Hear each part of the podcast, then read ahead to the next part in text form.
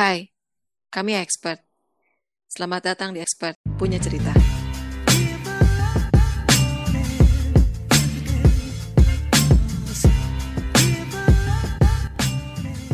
Halo semuanya, selamat datang lagi. Halo, Export Podcast.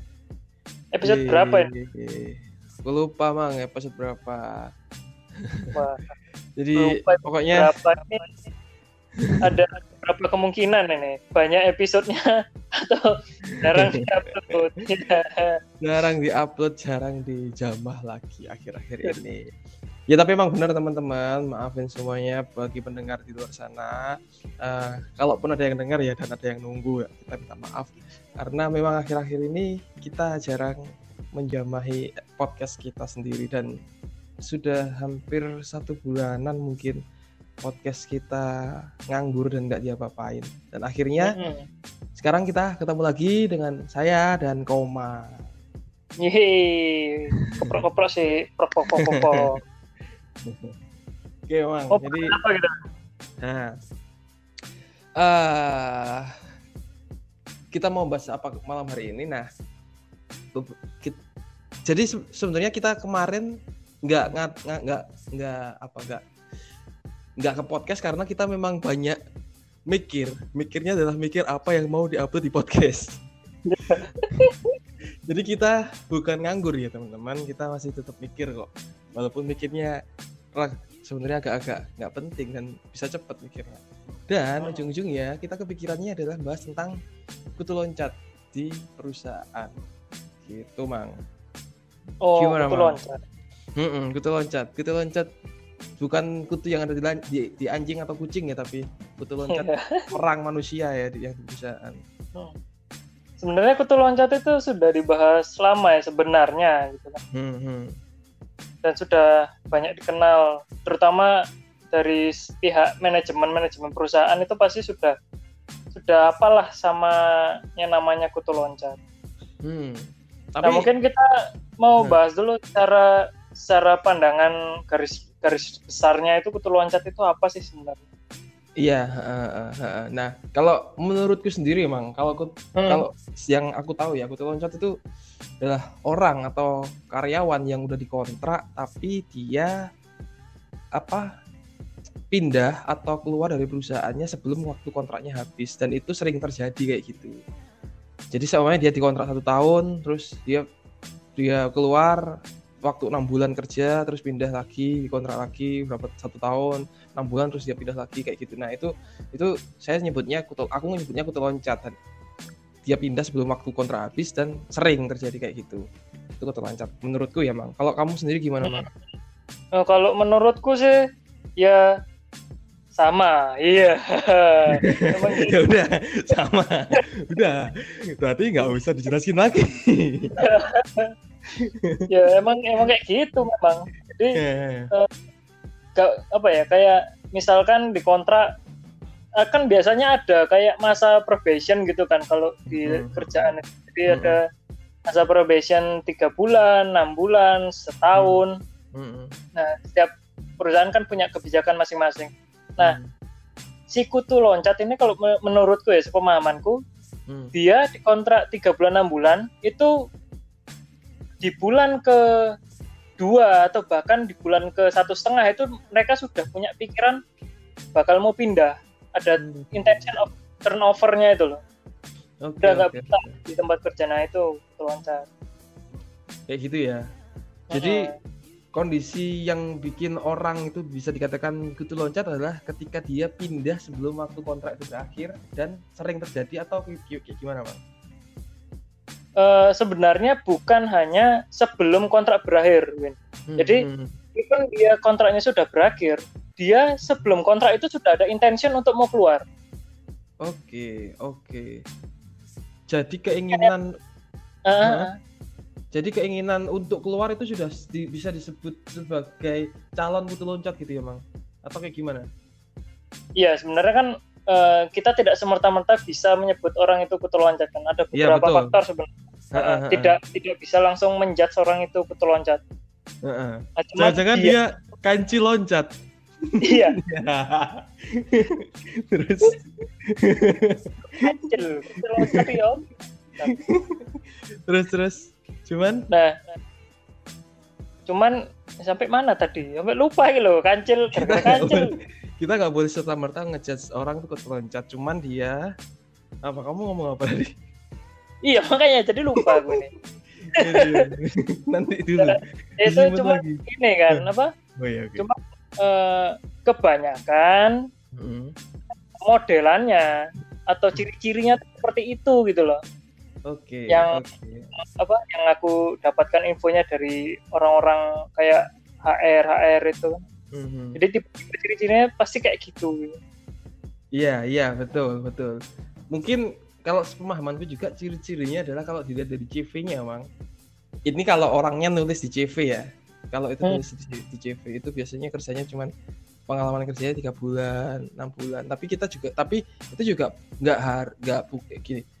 Kita nggak boleh ngejudge orang itu sebagai kutu loncat kalau dia pengalaman kerjanya soalnya di perusahaan A dia cuma tiga bulan atau enam bulan karena siapa tahu emang dia nggak diperpanjang jadi harus perlu ditanyakan lagi gitu Benar dan kalau seumpama eh, mungkin benar ya yang diomong-omong ah, ah, ciri-ciri atau orang bisa dikatakan sebagai calon kutu loncat itu juga eh, karena dia kayak suka nggak kerasanan gitu kayak suka nggak bertahan di perusahaannya gitu jadi Mm-mm. dikit-dikit nggak betah jadi keinginan untuk keluar eh, punya keinginan untuk keluar itu tinggi banget sampai udah males lemes kayak kayak lesu gitu loh kayak ka- karena dulu aku pernah mang. Aku pernah bukan kutu loncat sih. Kalau kalau menurut kan kutu loncat itu dia dia pindah itu sering kayak gitu loh. Aku dulu pernah yang waktu pertama kali kerja lulus S1 itu aku jadi sales sales mobil itu loh. Sales mobil salah satu. Mm-mm. Nah, itu. Itu aku di di kontraknya tiga bulan, cuman di itu bahkan sebelum satu bulan, kalau nggak salah tiga mingguan aku keluar karena ya itu tadi aku nggak betah dengan pressure-nya, nggak bu- ini bukan passionku, bukan bukan tempatku, bukan aku gitu loh kayak kerja kok kayaknya setiap hari nggak ada nggak ada istirahatnya, setiap hari keluar dan lain-lain. Jadi kayak apalagi kita sebagai fresh graduate aku dulu waktu sebagai fresh graduate itu kayak langsung kaget gitu aduh kerja kok kayak gini banget gitu. Setiap hari dimarah-marahin ini bukan bukan tempatku aku bukan di sini aku masa psikologi masuk kayak gini ya. kayak jadi akhirnya keinginan untuk keluar tinggi dan akhirnya keluar karena Hmm. ada perusahaan lain yang menawarkan aku dengan pekerjaan yang lebih enak dan lain-lain intinya kayak gitu. Jadi ya akhirnya keluar. Itu sih benar emang. Mm. gitu bang ya Ya. ya Kalau menurut kalau menurutmu gimana, Mang? Itu tadi kan aku beberapa sudah sudah sudah apa ya? eh, sudah ngomongin tentang penyebab penyebabnya ya penyebabnya ya karena mungkin kurang bukan passionnya bukan tempatnya pressure dan lain-lain. Kalau kamu gimana, Mang? Eh, kalau aku sih gini eh, aku Hmm. punya pandangan punya pandangan terkait Hmm. dengan kutu loncat ini nah sebelumnya aku mau tanya milenial itu sebenarnya kelahiran anak tahun berapa dari tahun berapa tahun berapa kita ini milenial nggak ya Termasuk, Mang sebenarnya. termasuk milenial Iya. itu Kita sampai juga- tahun 2000-an ya kalau nggak salah Iya, betul. Heeh, heeh. Kita itu termasuk milenial sampai tahun 2000-an.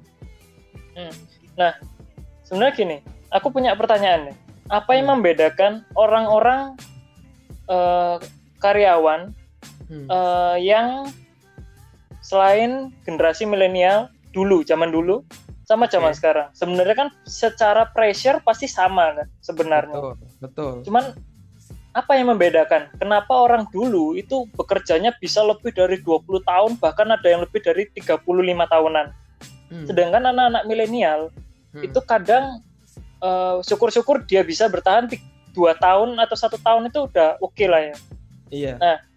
cuman kenapa kok bisa domplangnya sejauh itu gitu. Nah sebenarnya kan kalau aku tangkap ya Hmm. kalau eh, dari segi apa yang didapatkan mungkin orang zaman dulu itu lebih ke arah oh aku kerja aku melihat gajinya berapa Hmm. aku kerja tunjangan apa yang tak dapat Hmm. kalau kalau secara pandanganku anak-anak milenial itu bukan hanya mencari gaji tunjangan Itu satu. Semuanya ragus. Iya, makanya Hmm. mereka lebih ke arah yang eh, lingkungan kerjaku kayak gimana. Iya.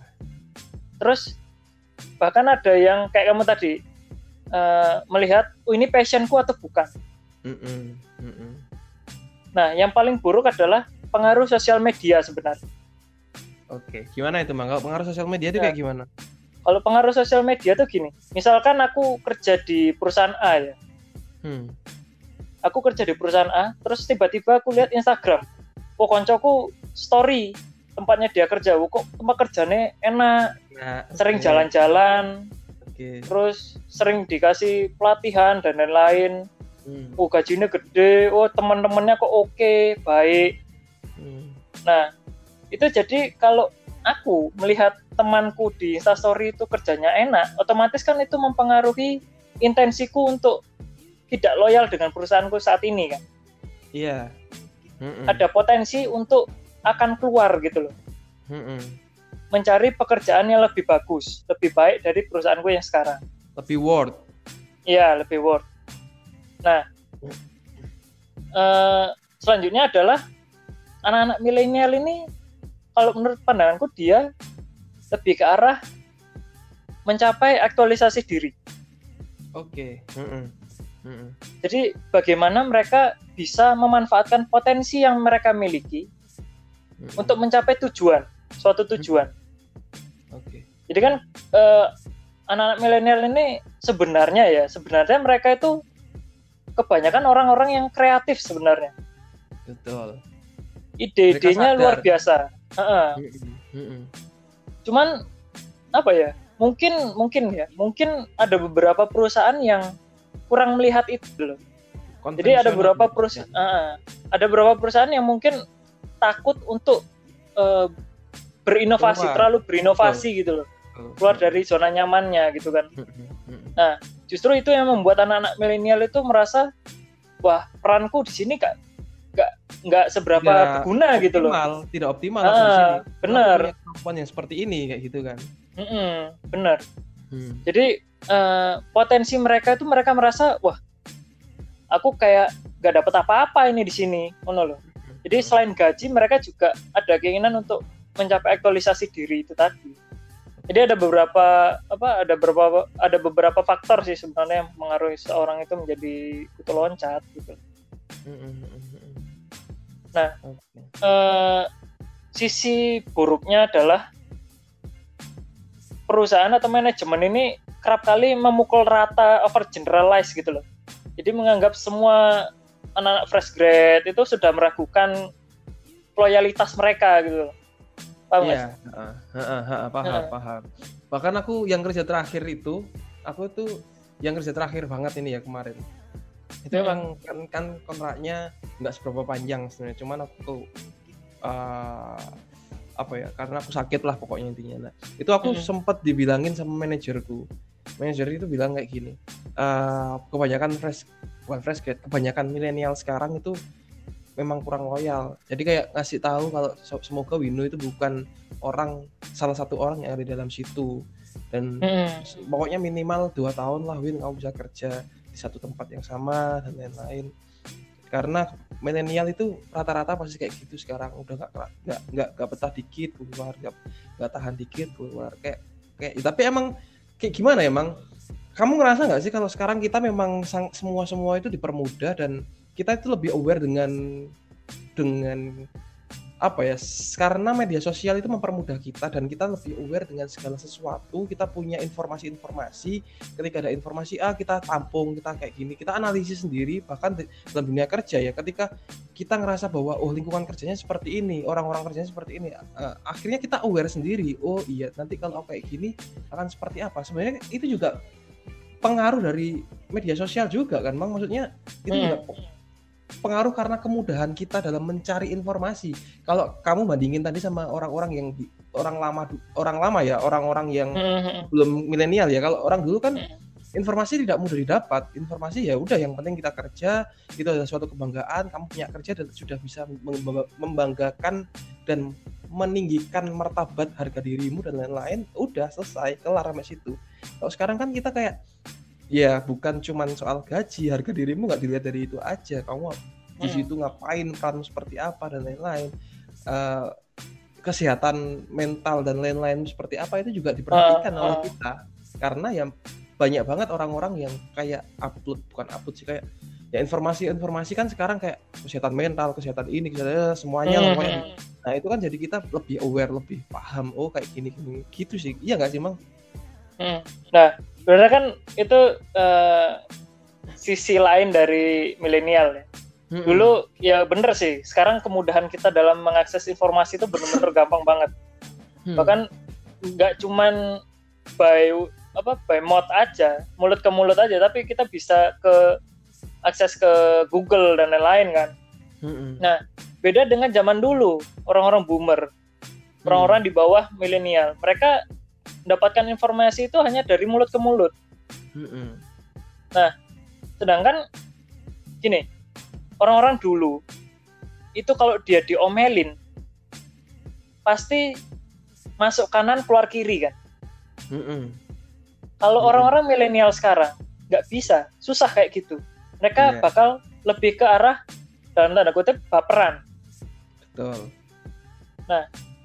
Ya itu tadi kamu menyangkutkan itu dengan mental illness dan lain-lain kan, mental health. Mm-mm. Mm-mm.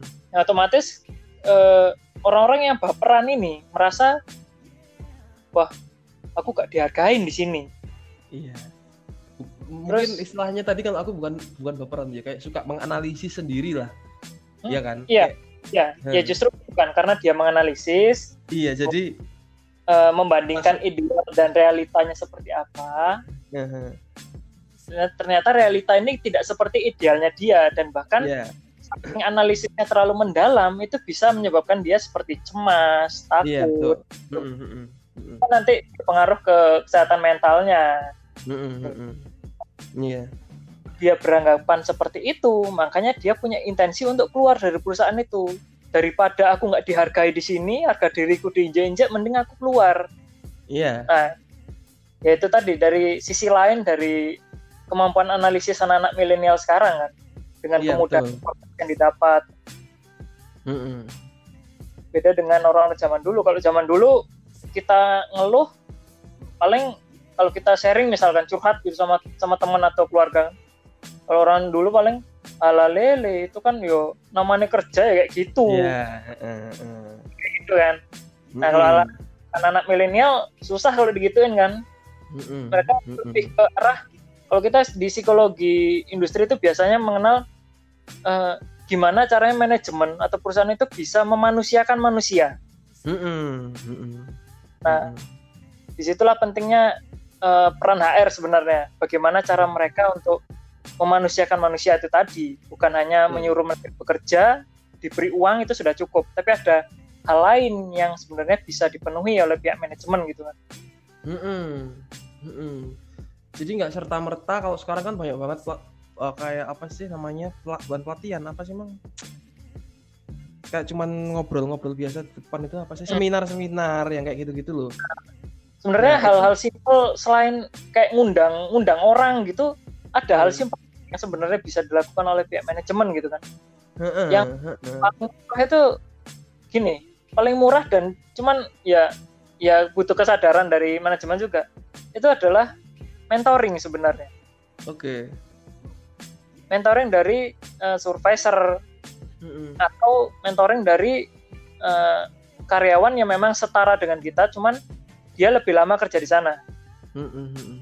karena anak-anak milenial ini aku rasa mereka dalam bekerja tuh butuh feedback gitu loh Butuh support ya. ya benar Betul. Kayak butuh diapresiasi walaupun dikasih nganu mereka butuh apresiasi juga. nah itu dihargai, apresiasi heeh, heeh. Jadi mereka ngerasa oh aku emang ada di sini, peranku ada. Ternyata aku di sini memang dibutuhkan loh seperti ini loh aku. Walaupun aku selama ini masih dimarah-marahin dan lain-lain, ternyata memang aku masih punya kok positifnya di sini ya kayak gitu kan seenggaknya. ya benar Simpel cuman jarang dilakukan karena orang-orang repot sendiri sama kerjaannya kayak gitu biasanya. Mm. Iya. Nah, itu kan tadi kita eh, apa ya hitungannya kita melihat dari dua sisi ya. dari Iya. pihak pihak manajemen sama pihak Mm, eh, si karyawan milenial ini tadi. mm, Nah. mm, Di sisi negatifnya adalah gini, anak-anak milenial ini eh, sisi buruknya kutu loncat ya, mm. dan merugikan perusahaan pastinya. Oke. Eh, kadang ada perusahaan yang sudah memberikan kontrak eh, setahun enam bulan, itu mereka sudah berani memberikan training, Hmm, training sertifikasi, training product knowledge. Oke. jika orang ini ya eh, anak milenial ini misalkan misalkan dia itu sales dia sudah di training eh, product knowledge-nya seperti apa otomatis kan dia tahu produk dari perusahaan kan spesifikasinya seperti apa terus keunggulannya apa. Mm, terus dia memutuskan untuk pergi setelah diberikan pelatihan itu. Itu kan otomatis merugikan pihak manajemen. Betul. manajemen sudah sudah mengeluarkan uang untuk training. Di sisi lain mereka juga sudah memberikan kepercayaan kepada karyawan-karyawannya terkait dengan produk knowledge-nya Mm, Di- dari situlah akan terjadi yang namanya ketakutan dari pihak manajemen menerima anak-anak eh, milenial kayak gitu kan takut untuk eh, produk knowledge-nya mereka ini dicolong gitu loh mm, itu kan sebenarnya eh, bisa merugikan manajemen dari segi cost dan juga eh, citra mereka kan. kerahasiaannya ya. Mm, benar. Udah ngasih ini loh dapur dapurnya kita kayak gitu. Nah, eh, ya sebenarnya kita tidak bisa menilai eh, dari kedua pihak ini itu benar Hmm. dan salah. Betul. Kita tidak bisa menilai oh pihak manajemen salah seharusnya memperhatikan karyawannya seperti ini ini ini. Kita juga Mm, kan si karyawannya juga mm, mm. eh, ada baiknya ya kita saling introspeksi diri gitu kan. Nah Hmm. dari pihak eh, karyawan milenial ini sebaiknya apa sih yang perlu dilakukan biar kalian itu nggak dicap kutu loncat gitu loh. Betul. Di sisi lain dari pihak manajemen eh, mungkin mereka harus melakukan apa sih?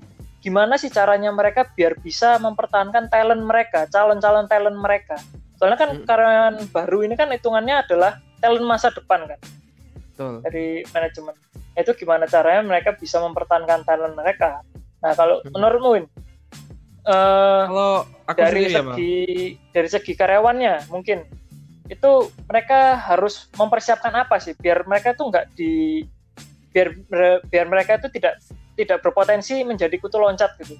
Heeh, Nah, kalau aku kalau dari segi karyawan emang satu-satunya yang perlu banget, bukan satu-satunya kayak yang paling utama itu adalah kesiapan kita bekerja sih sebenarnya. Karena- Hmm, itu kayak gimana itu? Iya, gini.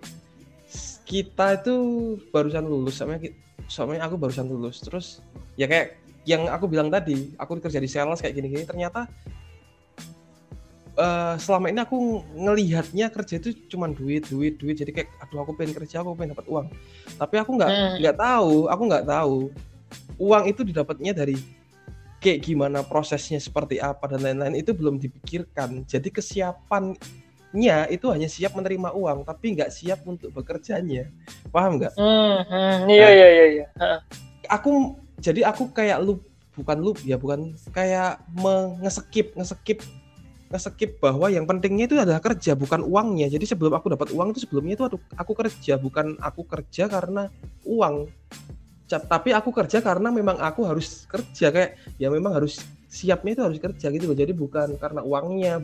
Aku harus tahu kesiapan. Oke, nggak semua hal yang aku inginkan atau idealku kayak gini gini gitu itu harus terpenuhi di dalam satu perusahaan. Toh pun kalau aku keluar dari perusahaan itu, perusahaan yang aku tempatin besok itu belum tentu juga eh, apa ya lebih baik dari perusahaan ini. Akan ada positif dan negatifnya dari perusahaan A dan B. Seumpama di sini gajinya tinggi, tunjangannya gede dan lain-lain, tapi belum tentu memanusiakan manusianya sendiri. Kalau yang yang di Hmm. sisi lain ada yang tunjangannya nggak ada, gajinya ada, tapi eh, juga memanusiakan manusia kayak gitu. Jadi jadi nggak nggak nggak nggak ada lah perusahaan itu yang yang perfect banget itu nggak ada pasti ada kekurangannya semakin lama kamu bekerja di sana, maka akan semakin kamu melihat kekurangan dari perusahaan itu. Kayak gitu ya sama aja Hmm. kayak kayak kita pacaran dan lain-lain ketika kita BDKT kita akan melihat itu bagus-bagus sampai akhirnya suatu saat nanti akan kelihatan sendiri kayak gitu-gitu jadi kesiapannya jadi siap apa enggaknya kita untuk bekerja bukan untuk mendapatkan uangnya ya karena uang itu setelah bekerja kayak gitu kesiapan kita mendapatkan kerja dan lain-lain itu sih kalau kalau aku ya jadi Hmm. Ya mau nggak mau kalian harus kerja. Mau nggak mau itu dulu aja deh. Yang yang harus dipikirin jangan nanti aku takut kayak gini. Malah malah nggak malah nggak dapat apa-apa malahan. Nggak dapat kerja iya nggak dapat pengalaman iya nggak dapat duitnya juga iya kayak gitu. Nah Hmm, nanti malahan kalau sama ini takutnya ya kalau kita udah udah masuk ke kerjaan itu terus kita keluar terus masuk lagi keluar lagi sebelum kontraknya habis akhirnya kita dicap sebagai kutu loncat perusahaan jadinya nggak percaya sama kita. Kok orang ini ketika ngerekrut kita loh anak-anak ini kenapa kok keluar keluar kayak gitu. Dilemanya adalah ketika kita nggak memasukkan pekerjaan itu di dalam CV misalnya kita kerja pengalamannya tiga bulan. Terus kita nggak masukin itu di CV terus kita ditanyain ke HR HR-nya selama ini kamu ngapain aja? Seumpama, seumpama dalam satu tahun ini aku pindah tiga perusahaan. Tiga bulan tiga bulan tiga bulan. Sembilan bulan. Aku ngelamar di perusahaan baru ditanya sama sembilan bulan kamu ngapain aja? Kalau itu nggak tak masukin ke CV kalau aku masukin ke CV tiga bulan tiga bulan tiga bulan ditanyain loh kok ini tiga bulan aja nah itu kan kayak semakin banyak dilema gitu loh ya entah kamu mau bohong kayak gimana tapi menurutku itu kayak kurang kurang aja sih kayak kok kurang memuaskan gitu loh menurutku jadi mendingan Hmm. ya tetap harus punya kesiapan untuk bekerja itu sendiri sih itu mang kalau aku Aku tadi eh, sempat kepikiran gini setelah Hmm. kamu cerita tadi kan. Hmm. Aku jadi mikir eh, sebenarnya anak-anak milen- milenial ini bukan semuanya ya, tapi Iya. beberapa itu Hmm. seperti yang kamu bilang Hmm, tujuannya adalah gaji. betul Kalau tujuanmu Hmm. adalah gaji dan kamu lupa kalau untuk mencapai gaji itu ada prosesnya gitu. iya Orang-orang milenial ini kebanyakan dia terlalu pingin instan, pingin cepat, nah betul bener nggak? aku setuju kan aku pernah merasakan itu betul Mereka itu pengen ndang dapat gaji, ndang dapat tunjangan, ndang aku iso tuku-tuku ngono loh. nah Ndang aku iso beli-beli nah. ini, beli ini, beli ini. Yap. Nah, sedangkan mereka mengesampingkan kalau sebenarnya ada proses kerjanya loh di sana. Untuk mencapai Mm-mm. itu tuh ada proses kerjanya. Dan mudah gitu. Mm-mm. Kemudian ada lagi, kalau kamu bilang eh, seputar kalau ditanyakan oleh rekruter gitu ya, oh, tiga, tiga bulan kamu dapat apaan di sana?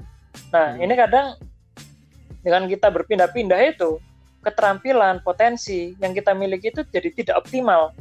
Betul. Jadi misalkan, misal ya, misal kita eh, pekerjaan pertama kita adalah seorang HRD. Selama Hmm. tiga bulan kita hanya dipercaya untuk melakukan eh, administrasi HR seperti absensi, terus profi- profiling, eh, filling data dan lain-lain. Nah, Hmm. sedangkan HRD ini pekerjaannya sebenarnya bisa luas, nggak hanya Iya. itu aja Betul. sebenarnya kalau kalau misalkan kita bisa tahan satu tahun atau setidaknya enam bulan lebih dari tiga bulan kita Hmm. bisa mendapatkan apa yang seharusnya kita dapatkan sebagai HR gitu kan. Nah. Karena dia nggak betah dan buru-buru pingin keluar mendapatkan jenjang karir yang baru Mm. jadi potensi dan keterampilan mereka ini ti- tidak optimal tidak mendapatkan apa yang seharusnya mereka dapatkan jadi kalau mereka ditanyakan oh kamu selama tiga bulan dapat apa oh saya cuman eh, filling data terus eh, ngecek absensi karyawan lah yang rekruternya kan bingung kan oh, masa Mm. HRD kerjaannya gini doang admi- administratif tok Mm-mm.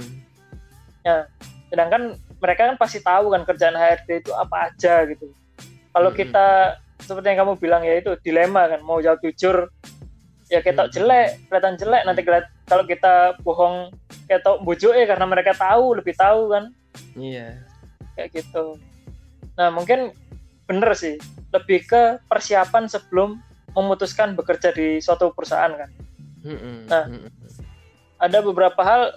Yang pertama kalian harus eh, siapkan visi. Visi dan misi kalian.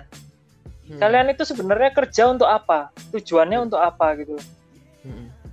Kalau kalian sudah menemukan tujuanmu kerja itu untuk apa dan kamu memutuskan satu eh, satu titel gitu kan contoh Hmm. kamu pengen jadi HR Mm.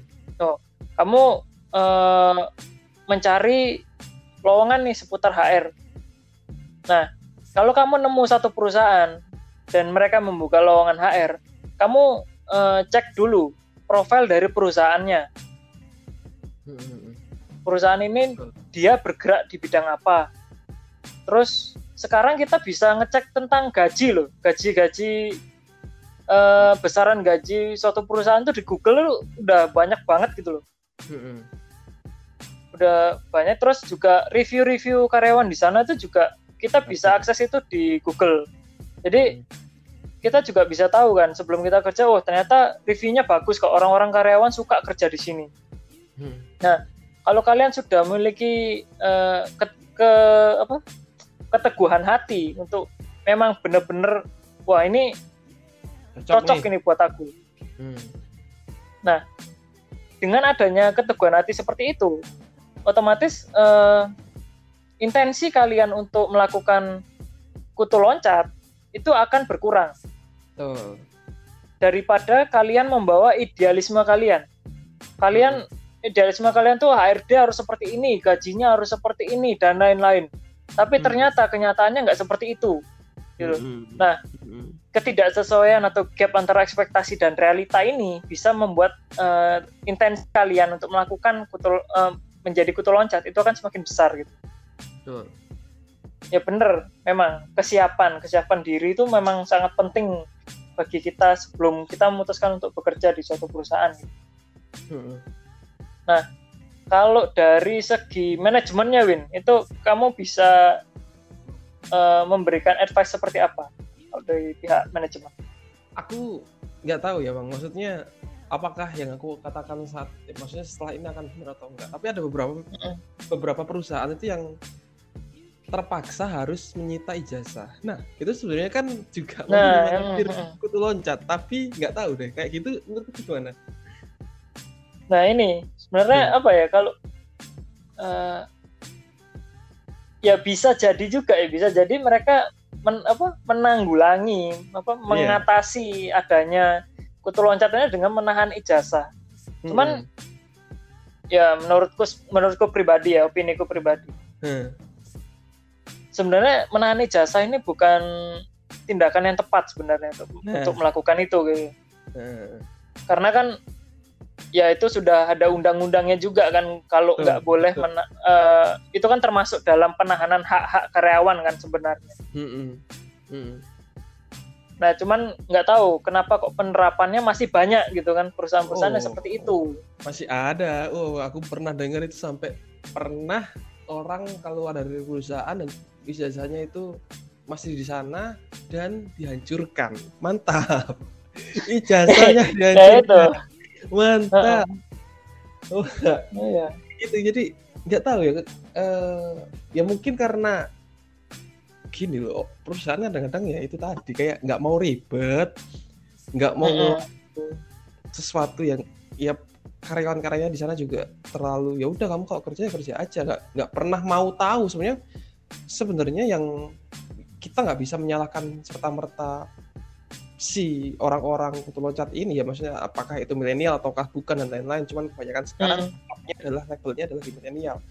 Tapi juga perusahaan itu ya mbok ya introspeksi gitu loh kayak bener kata kamu introspeksi juga. Kenapa kok eh, orang-orang ini terus menerus melakukan itu melakukan kutu loncat di perusahaanku? Jadi biar nggak masa iya sih? Maksudnya caranya instan juga gitu kayak ya udah karena kamu kayak, kayak gini tak tahan ijazahmu nggak bisa kayak gitu harus harus perlu pendekatan lain lah. Kalian itu harus aware dengan hal-hal lain yang bisa membuat orang jadi kutu loncat.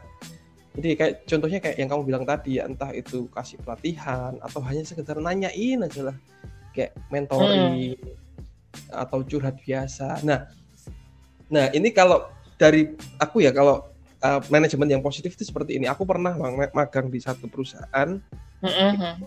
Jadi setiap satu minggu sekali, eh setiap hari Rabu pagi itu mereka kumpul dan men apa ya mencurahkan atau ngasih tahu progres kerjanya itu mereka itu sampai mana progres kerja yang pertama terus kesusahannya apa kesulitannya apa itu ter- terkait dengan pekerjaan terus yang kedua mereka nanya ditanyain satu-satu eh, ada masalah apa secara personal yang ganggu kalian untuk bekerja dan lain-lain. Jadi itu dilakukan setiap hari Rabu jam setengah delapan sampai jam 9 terus ada satu sesi hari Jumat. Hari Jumat atau hari Kamis aku lupa. Itu mereka free free untuk bekerja di mana-mana. Maksudnya kayak mereka nggak harus di depan laptop. Jadi Mhm. sambil ngopi sambil sambil di luar kantor dan lain-lain itu terserah. Pokoknya eh, ketika datang ke kantor kalian punya ide seperti apa dan lain-lain. Nah itu kan salah satu cara untuk me, apa ya kayak merawat memaintain care sama peru- sama karyawan. Apalagi mereka sudah jadi mereka kayak eh, lebih aware gitu loh. Bukan perusahaan aja. Se- se- selama ini perusahaan kan cuma ngelihat ini salahnya karyawan. Nggak kayak gitu. Perusahaan juga harus ber- berbenah eh, apa yang harus dilakukan dan lain-lain. Kalau mereka nggak bisa nggak bisa ngasih waktu untuk berapa jam curhat dan lain-lain ya seenggaknya adalah uh, kayak aplikasi kayak mereka itu punya aplikasi gitu bang kayak konseling apa gitu. Nah itu Mm-mm. jadi karyawan itu punya keluh kesah apa itu ditulis. Dan seenggaknya ada yang dikeluarkan unek-uneknya dan perusahaan nggak masalah tentang hal itu.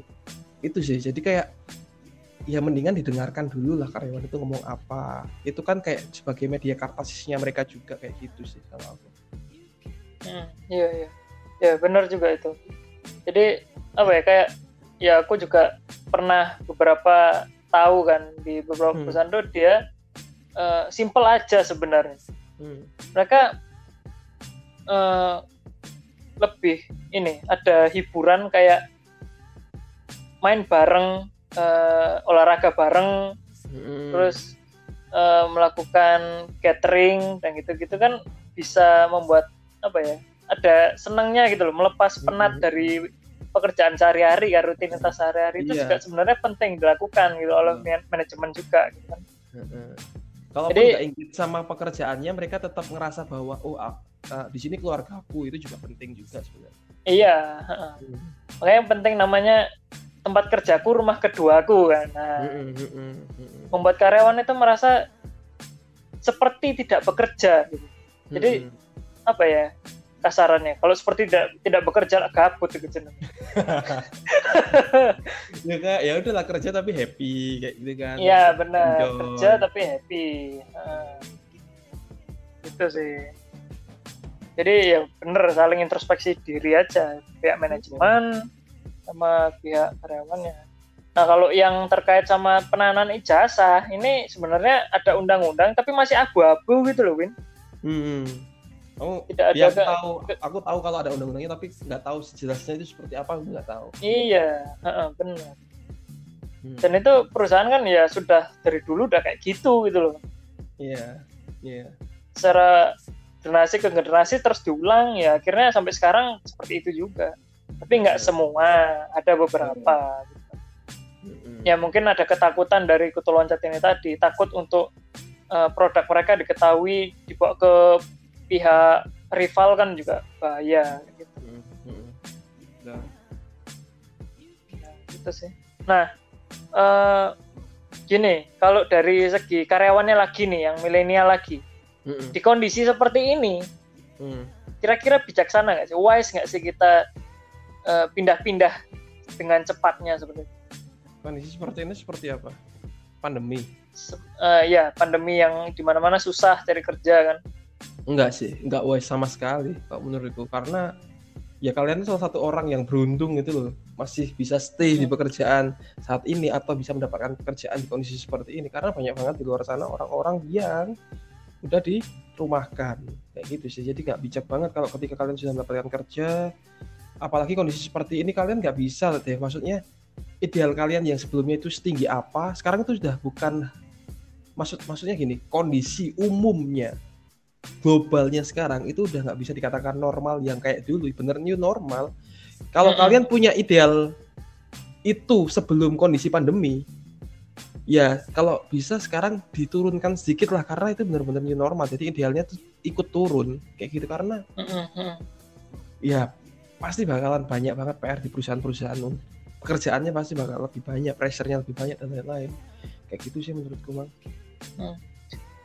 Ya ya bener. Itu dia eh, kalau aku tangkep ya kalau aku tangkep kita terlalu apa ya kita terlalu fokus terlalu sering untuk melihat ke atas. Saking lupanya kita melihat ke bawah. Kita lupa kalau di bawah itu banyak loh orang-orang yang susah dapat kerja. Orang-orang ada beberapa yang cuman lamarannya dia ini lolos administrasi udah seneng Mm-mm. terus ada beberapa yang lolos psikotes juga udah seneng Mm-mm. nah kalian ini sudah hitungannya udah jadi karyawan sudah bekerja tapi kalau kalian terus melihat ke atas yang kalian lihat teman-teman kalian yang lebih sukses Mm. kemudian eh, teman-teman kalian di sosial media yang suka snap snap itu membuat kalian tidak puas dengan kondisi kalian saat ini yang sudah bekerja itu benar-benar tidak wise sama sekali gitu Iya. ya sampai kapan pun ya kalian nggak bakalan merasa puas gitu Mm-mm. dengan apa yang kalian capai gitu. Mm-mm. ya kalian akan tanggung, tanggung sendiri kan akhirnya gitu kan Nanti kalau kalian tiba-tiba keluar terus setelah keluar jadi susah nyari dapat kerja kan ya? Jadi nyesel. Ya memang penyesalan itu datangnya terakhir kan? Kalau di awal? di awal pendaftaran. Iya mainstream mainstream. Mainstream. guyonan anak 90-an Iya, tapi memang benar kayak gitu sih. Jadi kalau mau jadi kuda loncat gimana pun kondisinya entah itu pandemi dan lain-lain, pandemi atau enggak atau setelah pandemi atau besok ada vaksin dan lain-lain, terserah apa pun itu ya dipikir-pikir lagi. Mm-mm, benar Eh, kayak ya ya kerja memang kayak gitu itulah intinya. Kerja ya memang kayak gitu. Mm-mm. kerja memang kayak gitu Hati. Eh, enggak enggak enggak, semua perusahaan itu menyanggupi semua keinginanmu. Itu bukan Mm-mm. suami atau pacarmu. Iya gitu itu sih mang udah iya chip Ya. kayaknya itu aja ya kayaknya bukan Bahas itu aja tentang itu udah banyak banget udah udah banyak ya 40 menit 40 menit ya oh gak kerasa loh aku bahas iya ini. iya Asik Padahal ya. aku es- ekspektasiku tiga menit tadi. kok, kok, kok bisa 40 menit ini? Wah, ngecet ini kita ini. Itulah ya, memang asik kita kalau ngobrol tentang apa dunia kerja itu seru loh sebenarnya. seru apalagi di akhir-akhir nanti ya kita ngomongin tentang ya jangan lama kalian kalau udah punya kerja karena kita merasa relate banget sama kita Iya. gitu lah. Makanya. ya oke nggak Ah. perlu Ya. terus nggak usah simpulan lah mang perlu simpulan mang Iya, kayak tugas saya disimpul-simpul no. Nggak ya pokoknya intinya eh itu tadi eh, kutu loncat. Eh balik lagi kalau kalian udah punya kerjaan ya terimain aja positif negatifnya di perusahaan kalian. Kalau mau keluar eh, pikir-pikir dulu apakah bijak atau enggak keluar di kondisi seperti apa ataupun besok udah nggak pandemi pun. Terus sebelum masuk pekerjaan atau sebelum memasuki suatu perusahaan dilihat dulu apakah dia sudah cocok. Kalaupun nggak cocok itu tidak cocokannya seberapa dan lain-lain. Jangan terlalu ideal mencari semua harus kayak gini-gini sama punya keinginan kalian. Jangan maksudnya ada beberapa poin yang oke harus seperti harus perusahaan harus kayak gini. Nah itu kamu ambil gitu. Ya pasti kalau ada yang positifnya ketinggian negatifnya juga akan lebih juga ketinggian gitu. Kayak ya seimbang lah pasti akan seimbang kok cuman kita aja yang nggak belum belum mengenal perusahaan itu itu aja sih Mm-mm. gitu ya saling introspeksi lah perusahaan juga harus aware sekarang dengan milenial karena ya kalian sudah hidup di masa sekarang bukan di masa lalu yang gitu-gitu aja. Jadi harus bergerak, harus inovatif, harus mampu bersaing dengan perubahan zaman ini. Tidak hanya bersaing dengan perusahaan lain kayak gitu sih. Dah, itu aja. Nah. Oke, lumayan udah. nambah 10 menit. Iya, udah. Kita tutup, Ren, kita tutup. Terima kasih Ya teman-teman semuanya yang Terima udah kasih. mendengarkan sampai detik ini. Kalaupun enggak juga ya tetap aku makasih. Kita terima kasih. Dadah guys. Ya jangan gitu. Oh iya, Harus gimana, didengerin ini. Oh iya betul betul betul. Harusnya di awal penting tadi ya. ngomong kayak gitu. Iya ya. Udah Di akhir gini. Iya. Padahal kita Udah. mau sesi foto nih. Iya. Seminar, webinar. ya udah. Iya, udah. Oke, thank you guys. Oke, Semuanya. Makasih. Dadah. Dadah.